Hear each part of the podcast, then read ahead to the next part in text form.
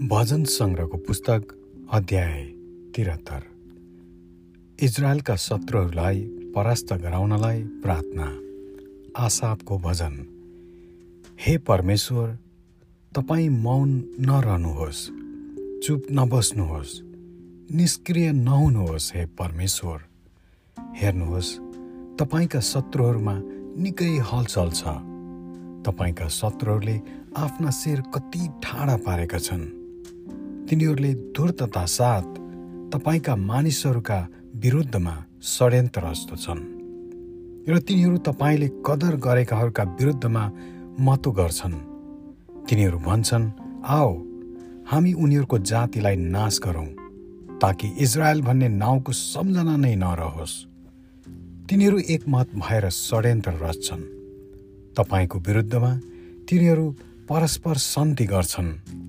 एदोम र इस्माइलका निवासीहरू मोआबीहरू र हग्री गवाली अम्मोनी अमालेकी पलिस्थी र टुरोसका निवासीहरू र लोतका सन्तानहरूलाई सहायता दिनलाई असुर पनि तिनीहरूसँग मिलेको छ।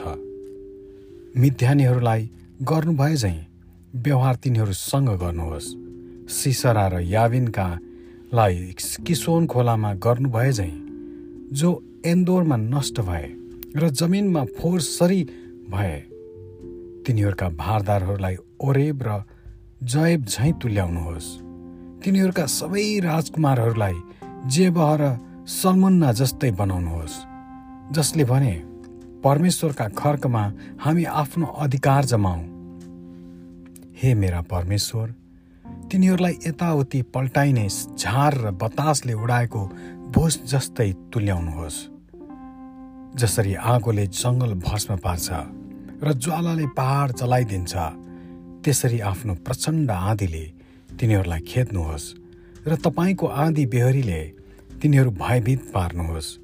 तिनीहरूका अनुहार लाजले छोपिदिनुहोस् र हे परमेश्वर मानिसहरूले तपाईँका नाउँको खोजी गरून्। तिनीहरू सधैँ शर्ममा परुन् र अतासले भरि हुन्। तिनीहरू अपमानमा नष्ट भइजाउन्।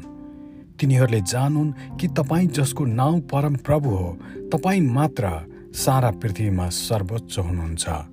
आमेन।